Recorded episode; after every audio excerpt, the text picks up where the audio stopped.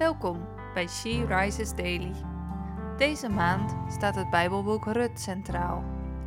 En vandaag luisteren we naar een overdenking van Teersa Benders. We lezen uit de Bijbel Rut 2, vers 3.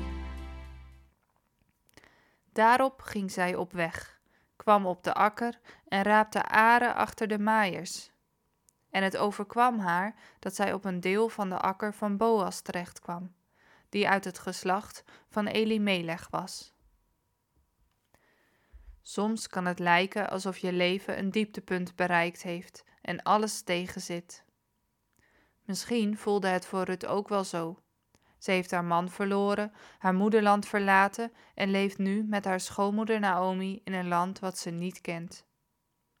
Om rond te komen moet ze hard werken om in hun levensonderhoud te voorzien. Waar is God in deze situatie?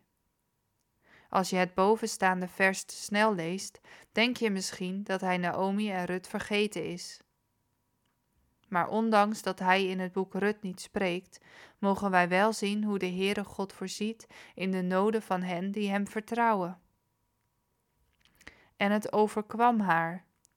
Zou het echt toeval zijn dat Rut terechtkomt op de akker van Boas, de man die het geslacht van Elimelech en Machlon voort zal zetten? Of is het God die hier de leiding in heeft? Herken jij dit? Een moeilijke situatie waarin je je wel eens afvroeg waar God was?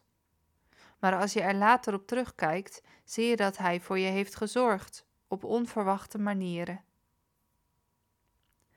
Hoe kan jij je in een situatie focussen op God?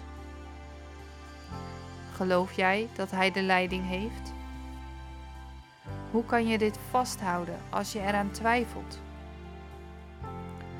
Laten we samen bidden. Vader, dank u wel voor uw zorg en de mensen die u op mijn pad brengt wanneer ik hulp nodig heb. Bij u bestaat er geen toeval en er overkomt mij niets zonder dat u de leiding heeft. Help me om op u te vertrouwen ook wanneer u ver weg lijkt. Amen. Je luisterde naar een podcast van She Rises. She Rises is een platform dat vrouwen wil bemoedigen en inspireren in hun relatie met God. We zijn ervan overtuigd dat het Gods verlangen is dat alle vrouwen over de hele wereld Hem leren kennen.